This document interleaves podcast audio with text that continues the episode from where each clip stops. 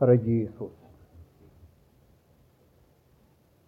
vi skal takke deg i kveld for er ikke én i denne forsamling uten han har lov og rett til å synge hva vi sang. Det var allting for meg. Fra du kom i krybben og til du for til himmelen. Hele det verk var allting for meg og for Han som sitter kanskje på kanten av helvete i kveld uten å vite det. Vi ber deg at Guds ordet må nå inn til våre hjerter. Amen.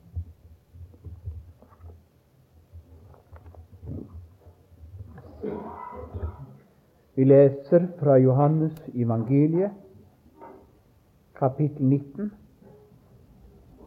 og fra vers 25. Men ved Jesu kors sto hans mor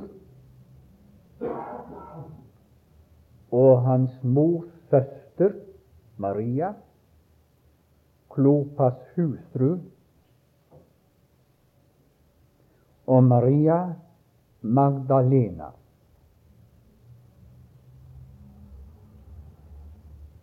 Da nå Jesus så sin mor,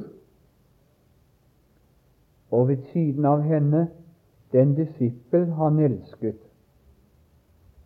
sa han til sin mor, Kvinne, se, det er din sønn. Deretter sa han til disippelen, Se, det er din mor. Og fra den stund tok disippelen henne hjem til seg.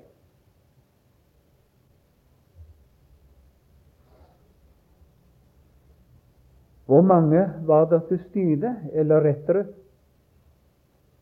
hvor mange er her omtalt, var til stede og sto nedenfor korset.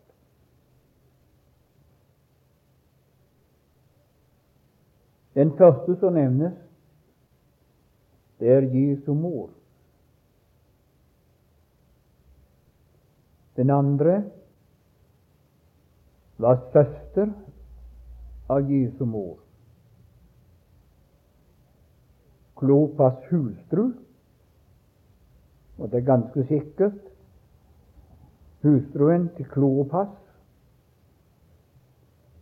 som omtales som en av de to Emmaus-vandrerne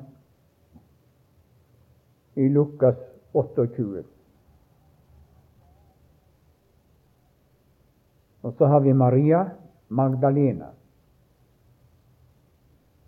Altså det var tre Maria til stede.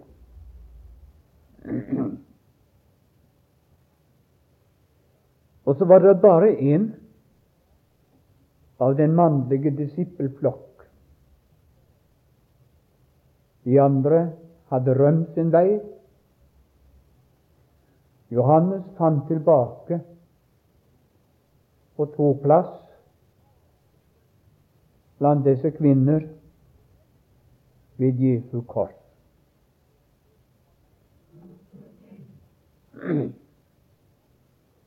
Jeg kunne ganske gjøre oppmerksom på et uttrykk som alene brukes av Johannes, og som finnes fire eller fem ganger i Johannes evangeliet. Det er uttrykket 'den disippel han elsket', altså som Jesus elsket. Hvem var det for en disippel? det var Johannes selv.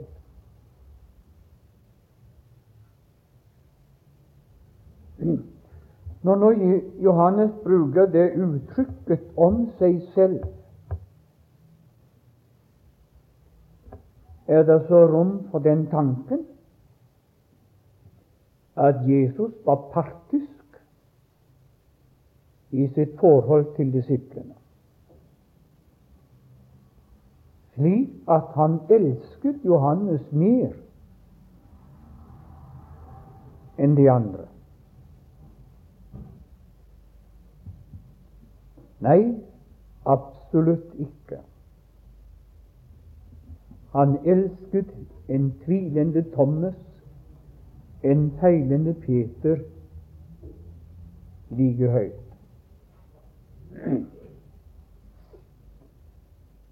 Men Johannes han representerer ørnen i allegorien, språk i Bibelen av de fire evangelister. Og ørnen er betegnet på å ha et meget skarpt øye og skarpt blikk. Han oppdaget alltid ting angående Jesus før de andre. Her har han en nådegaves blikk ørnens blikk, som oppdaget at han var elsket av Jesus. De andre var like meget elsket, men de hadde ikke oppdagelsesblikket som Johannes. Du som sitter her og er frelst, du er like meget elsket av Jesus som Johannes var, som Paulus var. Men hva hjelper det hvis jeg ikke har oppdagelses ørneblikket som Johannes? For jeg ikke nyte godt av den kjærlighet i troens liv. Men det kan også hende at Jesus på en særskilt måte måtte legge sin kjærlighet på dagen når det gjaldt Johannes. Hvorfor? Jo, fordi at Johannes han kaltes tidligere Jesu følge for Tordensønnen. Det lunte og eksploderte og tente på alle pluggene, som vi sier i dagens språk. De var Johannes. Og han skulle forvandles til kjærlighetens apostel. Og derfor måtte Jesus spandere ekstra kjærlighetsomsorg på ham. Og kanskje også en tredje grunn var det en oppgave han skulle ha i livet.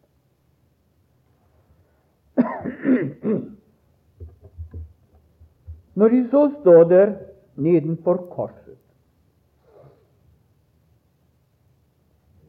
så er det to som ganske sikkert er knust av sorg. Jesus selv, han kalles sorgens mann.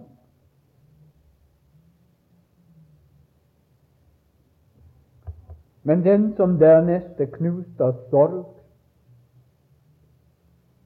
det er nå Jesu mor.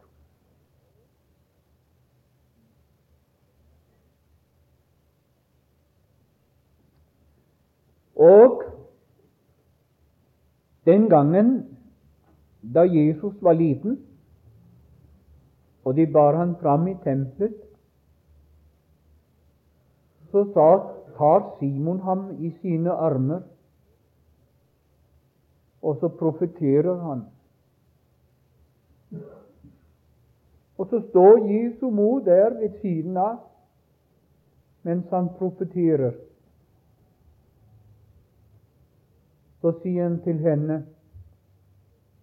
Maria, også din sjel skal et sverd gjennomtrenge.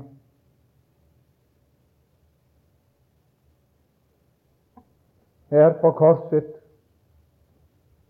må Maria smake det sverd.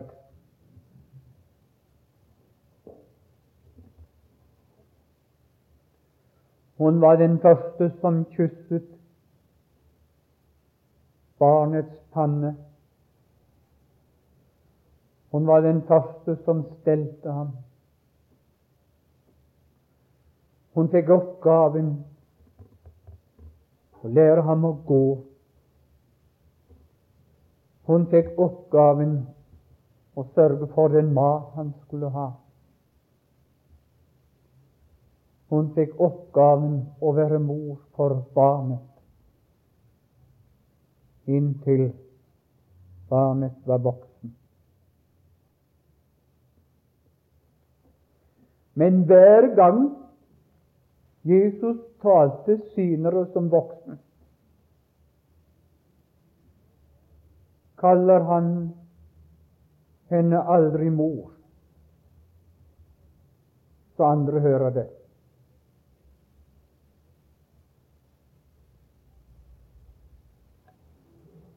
men han bruker ordet kvinne.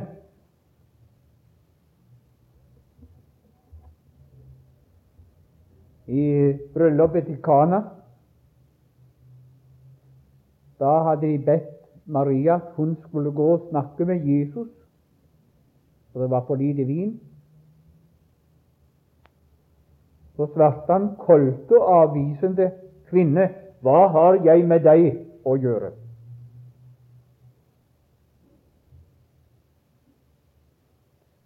Og gang på gang brukte han dette språk til sin jordiske mor.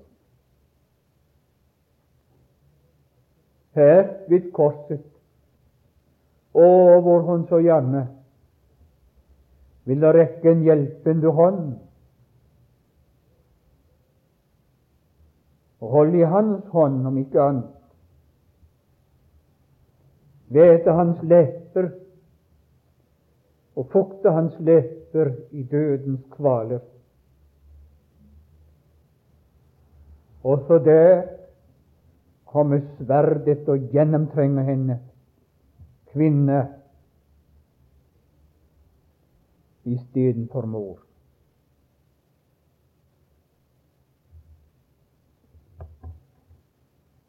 Hva var årsak til at Jesus snakket slik til sin jordiske mor.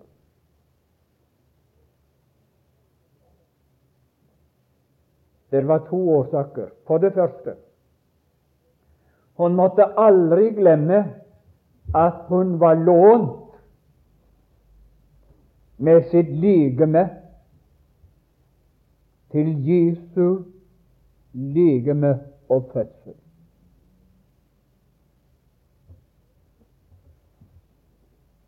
i Hebreabrevet 10,5. Der står om Jesus idet han trer inn i verden. Så sa han selv Offer og gaver ville du ikke ha, men et legeme laget du for meg. Og det legemet, det ble tillatt av Guds kraft og Den hellige ånd i Maria mors liv.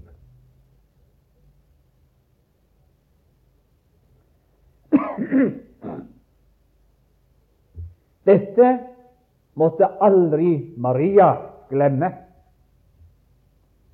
Og derfor passet han på og aldri sa mor til henne. Og den andre grunnen var at Maria Du må aldri innbille deg at du er et skritt nærmere himmelen fordi om du bar meg fram i verden. Og du må aldri innbille deg at du kommer til himmelen på grunn av at du ble min mor som fødte meg inn i verden. Du må frelses akkurat på samme måte som alle andre syndere i verden. Derfor mors kalle gir deg ingen rettighet framfor en annen synder i verden.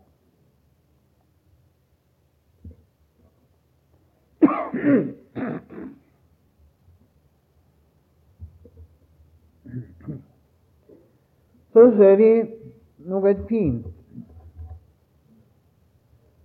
At først så henvender han seg til sin mor.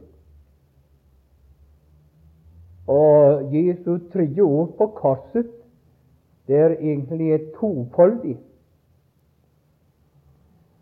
Det første ord gjelder hans jordiske mor, og det annet ord gjelder Johannes.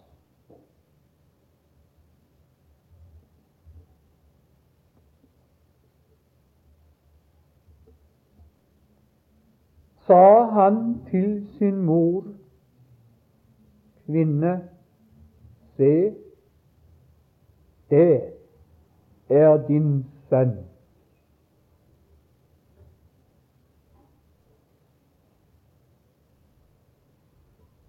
Vi har ikke lest noen plass i Bibelen om Johannes foreldre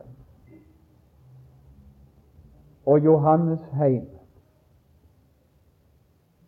Det kan godt hende at Johannes foreldre var døde. Men nok er det at Jesus så at Johannes trengte en mor. Og selv om du ikke har meg lenger,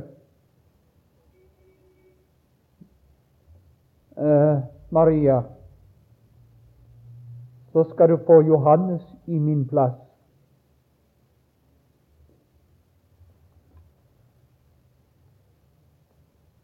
Jeg vil gjerne understreke Johannes trengte en mor, like så vel som mor trengte Johannes.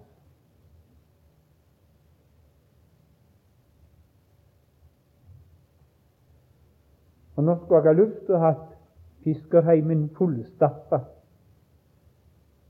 av ungdom pluss eldre.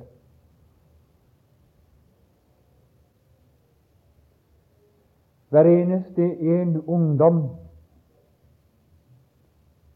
trenger en mor så lenge han er her på jorden.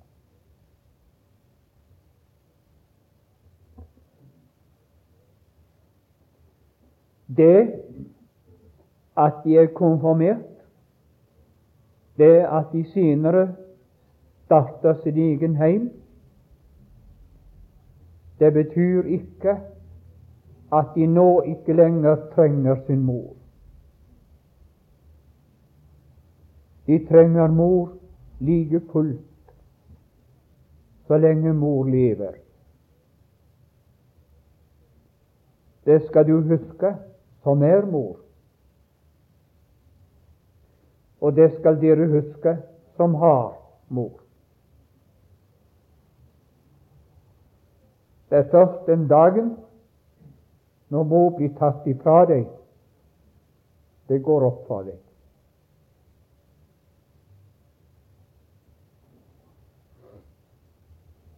Hun sa det, en dansk dame som var bestyrerinne av et, en heim for en masse ungkarer. Ungkarhjem. Ja, jeg har gjort den erfaring, sa hun, at det kommer aldri en stund i en ung manns liv, det samme hvor gammel han er, uten han trenger en mor. Det hadde hun rett i.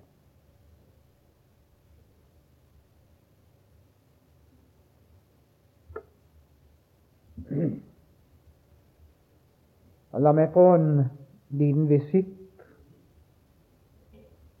til dere som sitter her og tenker på en kommende kone i livet.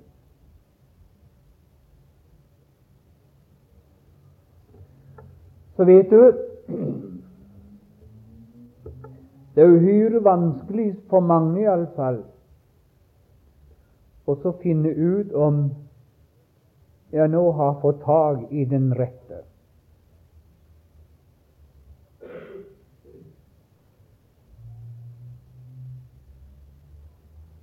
Jeg skal si deg en god barometer som du skal gå etter. Hvis du har hatt en god mor i livet, og du finner noe av mor igjen i henne, så kan du rekke henne din hånd. Da har du tak i den rette. Ja, de kan smile, men vi skal ikke smile av dette som er så både skjebnesvanger og alvorlig for ungdom i dag. Vi er blitt så overåndelige, vi skal ikke rekke dem en hjelpende hånd fra prekestolen nettopp i det som kan bli livets skal jeg si, forlis ved valget av den rette.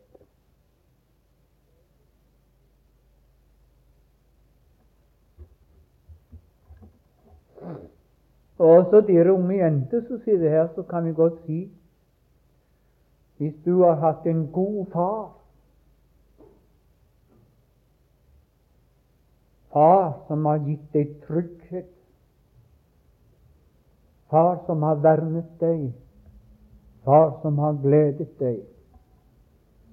Hvis du oppdager noe av Far det er Han som er etter deg, så tror jeg du er på rett bølgelengde.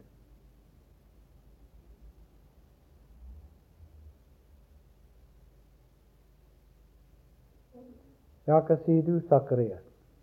Å ja, nei, han er jo ungkar. Ja, ja. De påstår Paulus var det òg, men det var ikke Paulus. Og Paulus forteller at han var medlem i det strengeste fariseerparti. Og der kunne ingen komme inn uten de var gift. Paulus var noe enkemann.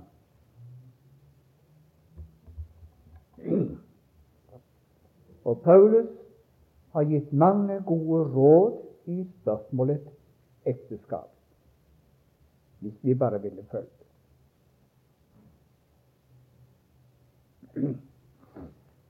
Ja, så tar vi en liten lærdom til. Jeg synes det er så fint og så skjønt av Jesus at når han skal forlate denne verden ved død, så har han omsorg for en av sine etterlatte.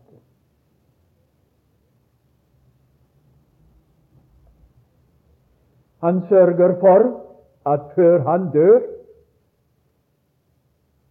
så blir det sørget for hans mor.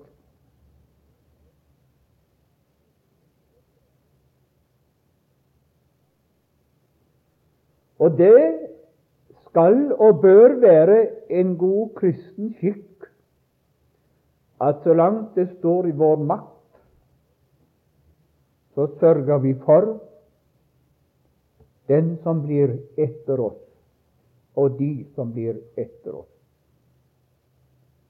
når vi går herifra. Her har Guds menighet gjort en feil.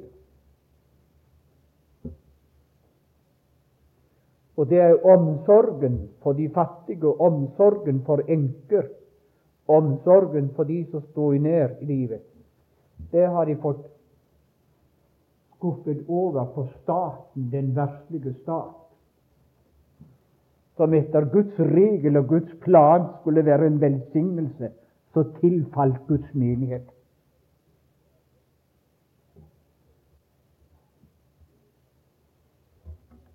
Og som en følge av det så får vi en hel masse versliggjorte kristne som snart takker Gud mer for staten enn for Guds løfter å leve på og oppleve. Ja, da jeg er klar over at jeg i skuddlingen selv For uh, nå har jeg kommet så langt at jeg, jeg er kommet litt på staten. Og hadde nå ikke Oldeid og Blom hjulpet til litt ved siden av, så hadde jeg greid det. Ja. Men uh, dere, jeg prøver og så ser noe som er bedre enn alt. Og det er, som vi hørte her til å begynne med, Herren er min hyrde. Og jeg kan ikke gå rundt i gatene i Ålesund og så tenke, uten å tenke på første gang jeg som ung steg i land her, og hva Gud har gjort og vært for meg som hyrde.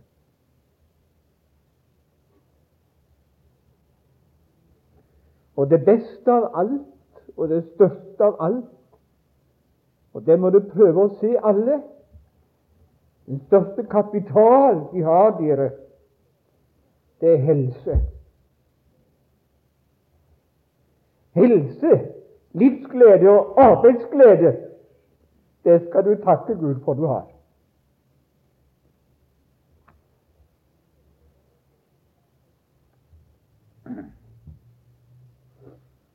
Altså, vi så at i dette ord til Johannes hadde Jesus omsorg for sine etterlatte, nemlig hans mor. Men så var det dette ord til Johannes. Tenk, da sier han eh, Se, det er din mor. Nå sier han ikke kvinne. Si, det er din kvinne. Nei, si, det er din mor. Som alt er sagt, hun skulle være en mor for Johannes. Men han skulle også være en sønn for Maria og betrakte henne som sin mor.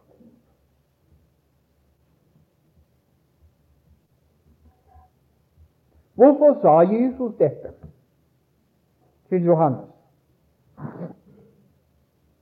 Det er iallfall to ting vi kan med trykket svare på det.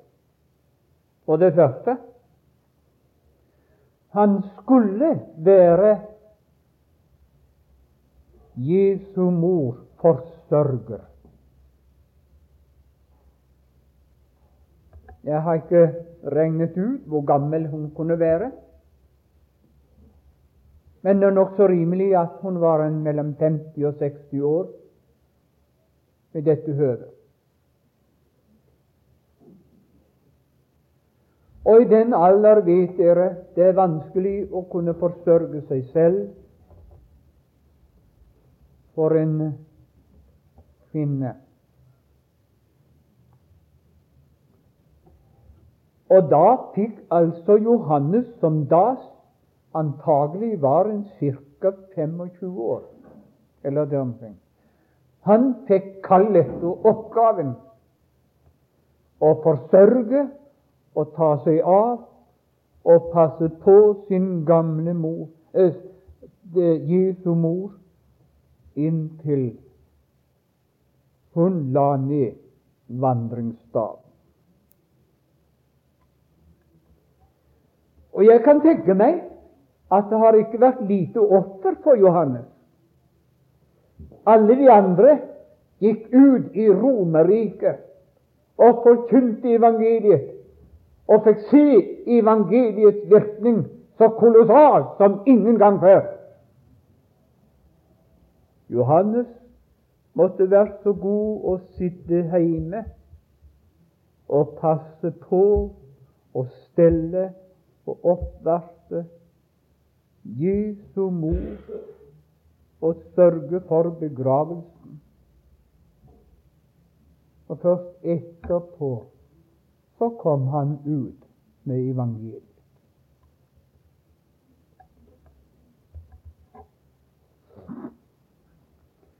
Dere ungdommer som ofte blir satt på valg her i livet.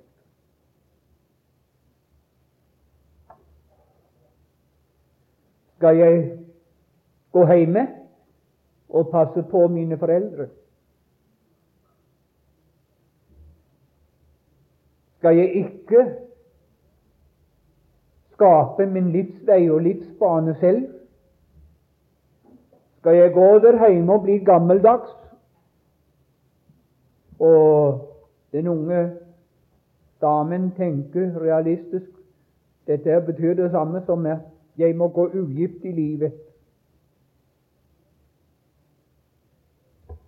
Og mange sier nei, mens Den hellige ånd sier til dem det er heime du skal være for å passe på mor og far inntil de har lagt ned vandringsdagen.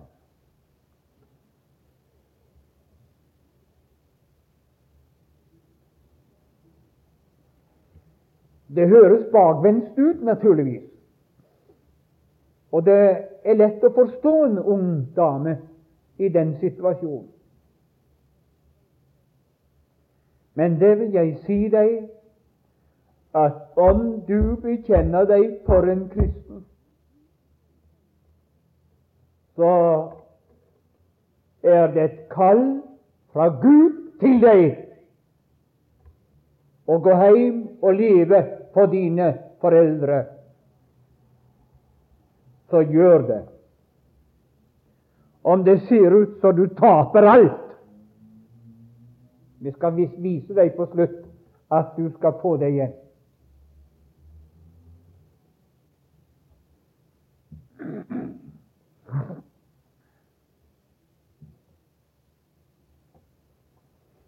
En annen grunn så vi finner at uh, Johannes skulle ta seg av mor, Jesu mor,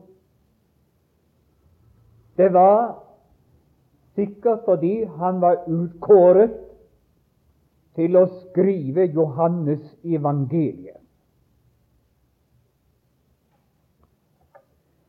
Og nå skal det si noe merkelig. den som himmelen utkåret til å skrive om unnfangelsen og fødselen, hvordan alt det gikk for seg, det var en lege. En som skulle ha førstehåndskjennskap til både unnfangelse og fødsel, nemlig legen Lukas.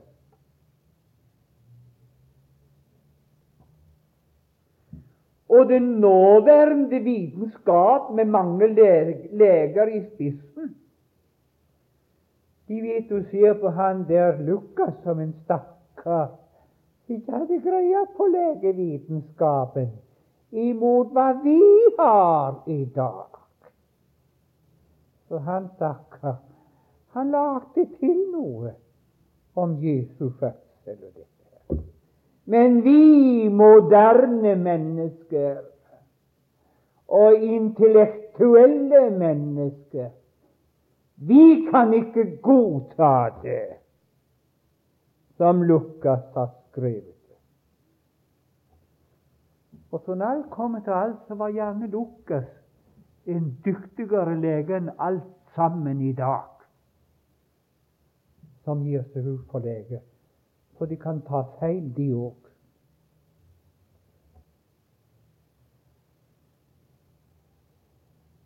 Vi har nok av leger i dag som hasolerer jomfrufødselen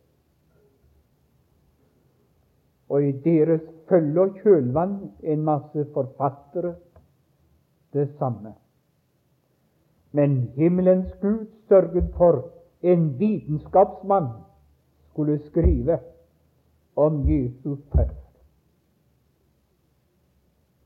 Men når Johannes skulle skrive sitt evangelie, begynte han ikke med Maria begynte han ikke med fødselen. Han hadde fått visst av Maria at Jesus ikke ble til på naturlig måte. At Jesus hadde levd lenge før fødselen i enigheten. Og så begynner Johannes sitt evangelie. I begynnelsen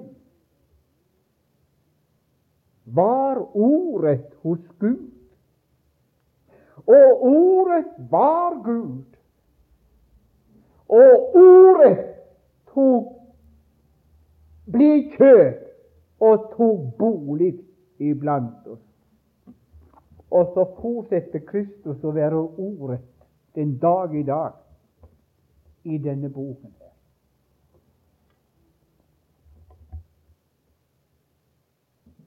Ser dere forskjellen? Du kan tro de to hadde samtale. Og du kan tro Maria fortalte Johannes om hva som hadde hendt i livet. Og mer hun fortalte, mer overbevist ble han også om at Jesus var Guds sønn. Og det er ingen som har skrevet så fullkomment av de fire evangelister om Jesus som Guds sønn som Johannes.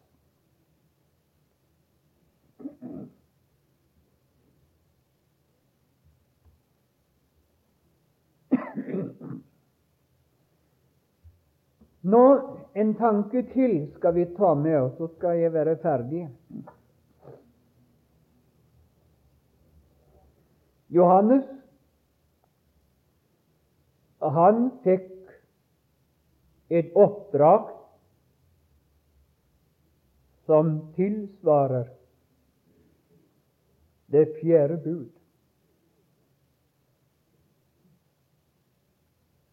Eller skal jeg si han fikk høve å praktisere det fjerde bud. Hedre din far og din mor. Vær så god, Johannes. Nå skal du få lov å praktisere det fjerde bud. Og din måte å hedre Jesu mor på, det er at du tar henne hjem til deg, lever for henne, steller for henne, sørger for henne i alt så lenge hun er på jorden.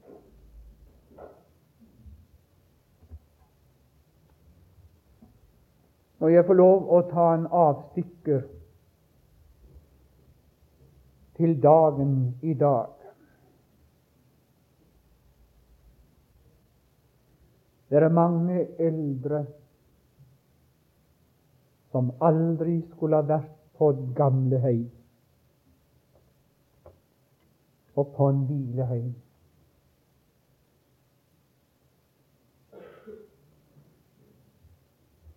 Siden de kom der, har de grått så mange tårer. Og det som smerter de mest, er at barna så lite besøker de der.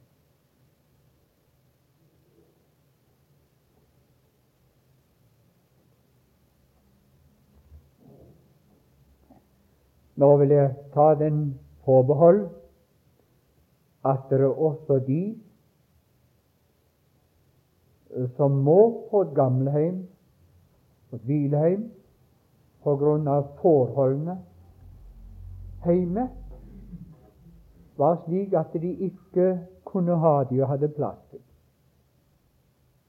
For som sådan fikk de det bedre på en gamlehjem.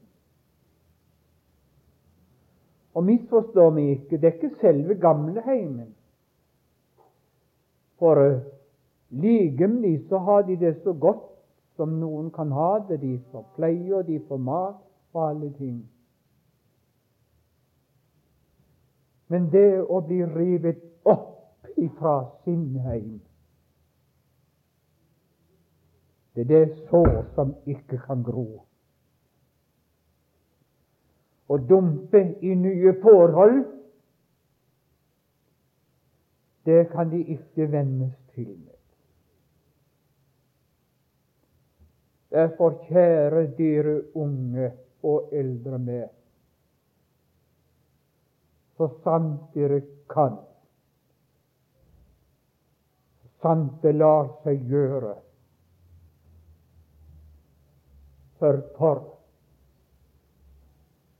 at dine foreldre får være hos deg, så sant de vil det da, til livsreisende slutt.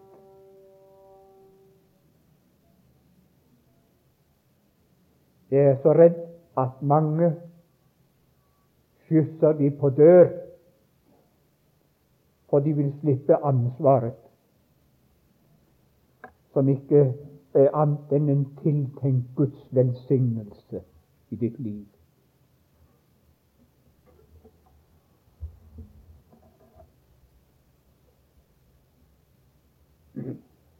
Men jeg vil gjerne eh, ikke bli misforstått her, og vil gjerne si at jeg er selvsagt oppmerksom på det gode vi har i de gamle hjem og hvilehjem og sånn, og særlig i byer hvor skulle disse armings eldre folk i mange tilfeller gjøre seg hen om de ikke hadde stille plasser?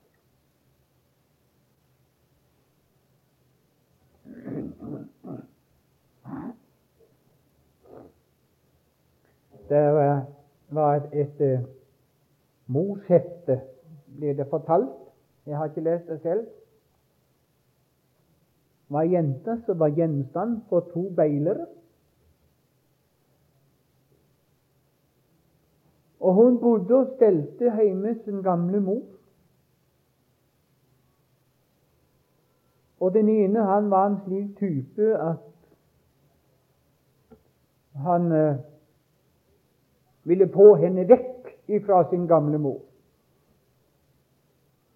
Og tok henne kraftig en dag fordi at hun gikk der hjemme og så stelte sin gamle mor og ikke kom ut i livet og levde livet fritt som en ungdom bør og skal være.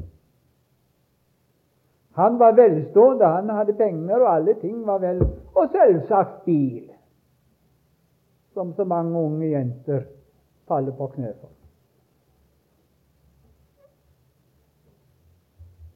Men hun hadde kjærlighet til en annen. En stakkar, det var en fattig, alminnelig rørlegger, var det visstnok.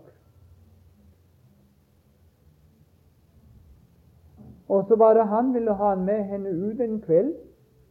Nå gjengir dere de sparte hukommelsen, så er det ganske sikkert alt, men hovedtrekkene har jeg. Men da måtte hun si nei, for mor hadde gitt bursdag og ville gjerne være hjemme hos mor. Ja, men det var fint av deg at du er hjemme hos mor. Det gjør du ganske rett i, svarte han. Og så ikke bare det, så sendte han en fin blomst til sin vordende svigermor. Da gikk det opp for henne han der er den rette. Det kan notere dere det nå. Så, så så nevnte dere at det kom en dag da også Maria måtte legges i grav. Johannes var ferdig med sitt midlertidige kall, nemlig å ivareta Jesu mor. Så fikk Johannes gå ut sammen med de andre og begynne å forkynne evangeliet. Og være vitne til det åndens verk som skjedde imellom dem. Men så kom det merkelige. Den ene etter den annen ble halshugget og led martyrdøden i nokså forholdsvis ung alder. Bare én av de elleve slapp martyrdøden. Ikke bare slapp martyrdøden, men han ble 120 år gammel. Hvem var det? Det var Johannes. Hvorfor slapp han martyrdøden? Hvorfor ble han så gammel? Jo,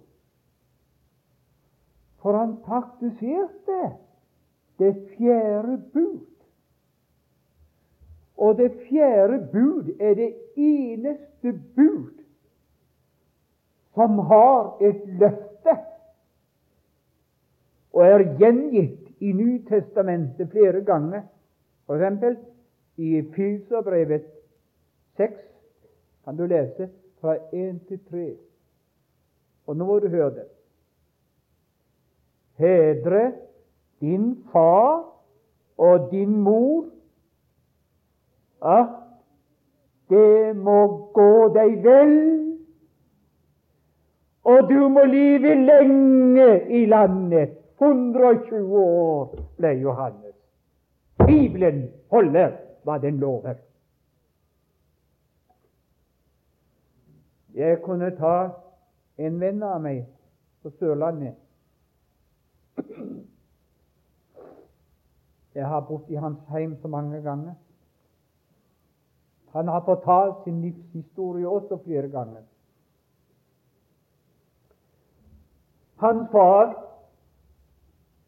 levde i den ytterste fattigdom. Et lite gårdbruk, en stor barneflokk. Og Jakob var den eldste. Vi kaller han Jakob. Jakob var ingen kristen da når han tok denne bestemmelsen. Det var sånn i nød og så vanskelig at far måtte praktisere å låne i den ene bank for å dytte i den andre. Og det så Jakob dette går ikke i lenge. Så bestemte han seg. Jeg reiser fra gården og alt sammen, og så reiser jeg over til Amerika. Og han bestemte seg videre. Jeg skal ikke legge til side en dollar, men sende hjem alt det jeg kan til gjelden er betalt. Og jeg skal ikke være interessert i en kvinne eller en jente før fars gjeld er betalt der borte i Brokkli. Han holdt sitt ord, og han levde så spartabelt at det å spise middag det var en sjeldenhet. Det var som regel på svar kaffe og noe til. Men, sa han, jeg kan aldri jeg kan aldri takke meg selv hvor glad jeg var den dag når det kom brev fra far. Ja, kjære Jakob, i dag var jeg i banken og betalte siste rest, så nå er jeg en gjeldfri mann. Først da begynte Jakob å samle, og så kom Eva til ham spaserende. Og så holdt Gud sitt løfte. I dag er han over 70 år, og i dag er han velsignet med overhendig jordisk timelig velsignelse. Og de fleste barn er frelst, og en og ene misjonær. Et lykkelig god heim. For at det må gå deg vel, og du må leve lenge i landet. Og Jakob han ble frelst i Brokkeli. Himmelske Fader, det er så deilig å se at løftene kan ikke svikte. At du holder ord. Sitter det noen i forsamlingen som du ville adressere dette til? Fortell de om løftet, at det skal gå de vel, og de skal leve lenge i landet. Det har vært min smerte i livet at far og mor gikk så tidlig ifra meg. Så jeg fikk ikke være noe for dem. Men jeg ber deg, Fader, ta imot mitt takk enda en gang, for jeg fikk ha de så lenge og åpne ungdommens øyne for verdien av mor og far. At de denne morsdag har det klart for seg at det beste de kan gjøre for henne, det er å legge for dagen at de trenger mor og trenger far enda. Amen.